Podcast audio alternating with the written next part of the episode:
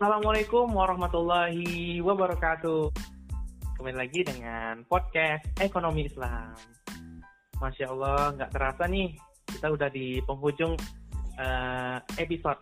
Nah, kali ini kita di penghujung episode ini, kita akan membahas tentang fungsi zakat dan wakaf dalam ekonomi mikro Islam. Nah, dan kita uh, masih ber dari sumber yang lama nih itu yang masya Allah banget nih. Bosan-bosan nih kita sama sumbernya nih. Kita sapa dulu deh. Assalamualaikum warahmatullahi wabarakatuh. Teh Waalaikumsalam warahmatullahi wabarakatuh. Gimana nih kabarnya Teh? Alhamdulillah luar biasa. Allah Akbar. Allah Akbar. Wah. Jadi gini Teh. Uh, di penghujung episode uh, eko, di podcast ekonomi Islam ini, nah kita akan membahas tentang fungsi zakat dan wakaf dalam ekonomi mikro Islam.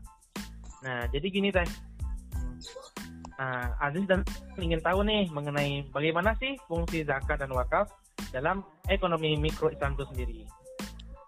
Ya baik, terima kasih kepada Aziz yang telah memberi kesempatan kepada saya untuk ini ya eh, menjelaskan kembali tentang uh, pembahasan masih seputar tentang ekonomi Islam.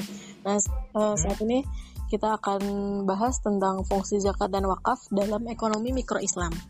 Nah, sebelum masuk ke situ, di sini ada ini ya, ada ada beberapa referensi yang ada di Google yang akan saya ini kan yang akan saya bacakan, oke? Okay? Jadi okay. Uh, di sini pemerintah Provinsi Sumatera Barat menjembatani pemanfaatan zakat dan wakaf produktif untuk bisa digunakan sebagai modal startup atau usaha mikro kecil UMK. Selama ini zakat dan wakaf biasanya hanya tersalurkan untuk sektor konsumtif atau kepada penerima zakat atau mustahik yang tidak memanfaatkan kembali zakat yang diterima untuk usaha. Di saat yang sama, banyak pengusaha muda yang kebingungan mulai usaha lantaran minimnya pembiayaan. Kredit dari perbankan pun butuh jaminan yang tak sederhana. Gubernur Sumatera Barat Irwan Prayitno menilai pemanfaatan zakat dan wakaf bisa saja disalurkan untuk modal usaha selama penyalurannya tetap mempertimbangkan 8 asnaf atau golongan mustahik. Irwan menyebutkan, modal kerja menjadi kunci maju atau hidup tidaknya sebuah usaha. Dengan tambahan modal, lanjutnya usaha dari nol bisa jauh berkembang. Menurutnya, penyaluran zakat produktif bisa membalikan kondisi seorang mustahik menjadi muzaki atau pemberi zakat dalam tiga tahun. Periode tiga tahun periode tiga tahun diyakini menjadi parameter standar untuk menentukan sebuah usaha berkembang.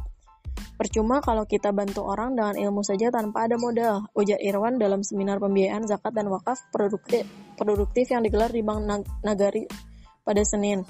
Maka dari itu, fungsi dari zakat dan wakaf untuk ekonomi mikro Islam sangatlah penting dalam bermanfaat untuk kemaslahatan umat. Jadi eh, yang seperti referensi yang saya bacakan tadi di Google itu, pada intinya hmm. fungsi zakat dan wakaf dalam ekonomi mikro Islam itu untuk memajukan dan untuk mengembangkan para pengusaha-pengusaha kecil gitu. Jadi kalau yang biasanya zakat itu dia pergunakan untuk mustahik saja gitu tapi e, ternyata bisa berfungsi juga untuk kalangan-kalangan pengusaha kecil seperti ya yang dalam ekonomi mikro Islam itu sendiri jadi kalau misalnya kita e, berjalan zakat dan wakafnya maka pengusaha-pengusaha kecil pun akan terbantu sehingga dapat mengembangkan suatu usahanya itu sendiri. Iya iya. Ya. Nah kurang lebih seperti itu uh, penjelasan dari fungsi zakat dan wakaf dalam ekonomi mikro Islam. Kemudian di sini ada juga uh, pembahasan tentang Basnasnya itu sendiri. Jadi selama ini 90% penerimaan zakat yang dikelola Badan Amil Zakat Nasional berasal dari aparatur sipil negara di lingkungan pemerintah provinsi, kabupaten, dan kota di Sumatera Barat. Dengan adanya pembentukan Minang Trust Fund, diharapkan akan ada sumber-sumber zakat lainnya yang bisa masuk ke dalam pembiayaan usaha kecil di Sumatera Barat. Pemerintah Sumbar mencatat selama ini memang ada ketimpangan penyaluran kredit antara usaha mikro kecil dan usaha menengah menengah besar. Jumlah UMK di Sumatera Barat saja yang mencapai 584 ribu usaha atau 98,6 persen dari seluruh jenis usaha di provinsi hanya mendapat kredit 16,3 triliun. Sementara UMB yang jumlahnya jauh lebih sedikit, yakni 8.300 unit UMB atau 1,4 persen dari total usaha di Sumber, justru mendapat kucuran kredit hingga 36 triliun. Bila diperhatikan, memang ada ketimpangan antara UMK dan UMB di Sumatera Barat dalam hal penyaluran kredit. Uh, kemudian uh, Irwan menambahkan UMK harus menjadi fokus dalam pembiayaan di Sumatera Barat lantaran golongan ini yang bisa berpengaruh dalam menekan angka kemiskinan dan ketimpangan ekonomi di Sumbar. Jumlah pengusaha di Sumatera Barat sendiri masih di bawah 2% dari total penduduk. Menurutnya, dengan penyaluran pembiayaan yang menyentuh para mustahik di level bawah, maka derajat ekonomi mereka akan terangkat dan lapangan kerja baru bisa tercipta. Hal ini perlahan bisa mengurangi celah ketimpangan Sumatera Barat. Uh, Irwan meminta perbankan bisa mempermudah penyaluran kredit khususnya bagi anggota Minangkabau Business School dan Entrepreneurship yang dibentuk atas inisiatif pemprov dan akademisi. Menurutnya, perbankan bisa membantu dalam penghimpunan dana zakat, zakat dan wakaf agar bisa disalurkan ke sektor produktif. Uh, jadi seperti itu penjelasan dari fungsi zakat dan wakaf dalam ekonomi mikro Islam itu untuk kurang lebih seperti itu untuk memajukan para pengusaha-pengusaha kecil sehingga bisa terus berkembang usahanya dan bisa uh, memajukan perekonomian yang ada di Indonesia ini.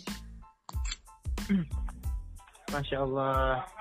Jadi uh, teman-teman semua yang seperti sudah disampaikan oleh narasumber kita sendiri uh, tentang uh, di provinsi Sumatera Barat ada di, yeah. di sini tidak hanya memanfaatkan uh, buat muzak, uh, pelaksanaan zakat dan wakaf tidak untuk hanya mustahik ya muzaki yeah. hmm, tetapi juga untuk yang mana untuk modal startup juga uh, bagi pengusaha-pengusaha kecil gitu jadi mm -hmm. bisa membantu perekonomian uh, pengusaha-pengusaha kecil uh, untuk berkembang menjadi lebih baik lagi gitu ya teh iya jadi kayak kalau misalnya orang ada pemuda gitu yang ingin usaha tapi dia tidak memiliki modal dengan yeah. adanya zakat dan wakaf ini untuk ekonomi mikro ini akan memudahkan gitu para pengusaha para pemuda untuk membangun usahanya sehingga mendapatkan modal yang cukup gitu untuk mengembangkannya.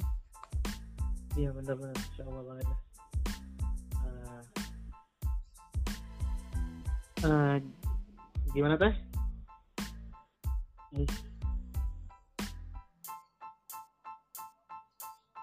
Masih ada apa jadi gitu teman-teman uh, yang sebagaimana sudah sampaikan uh, narasumber kita tadi tentang fungsi zakat dan wakaf dalam ekonomi mikro Islam. Uh, Syukron kasiran teteh uh, atas sharing-sharingnya pada pagi yang cerah ini. Uh, saya sebagai moderator, uh, apabila ada kata janggal dan salah, mohon dimaafkan. Uh, saya ini dengan Assalamualaikum warahmatullahi wabarakatuh. Waalaikumsalam.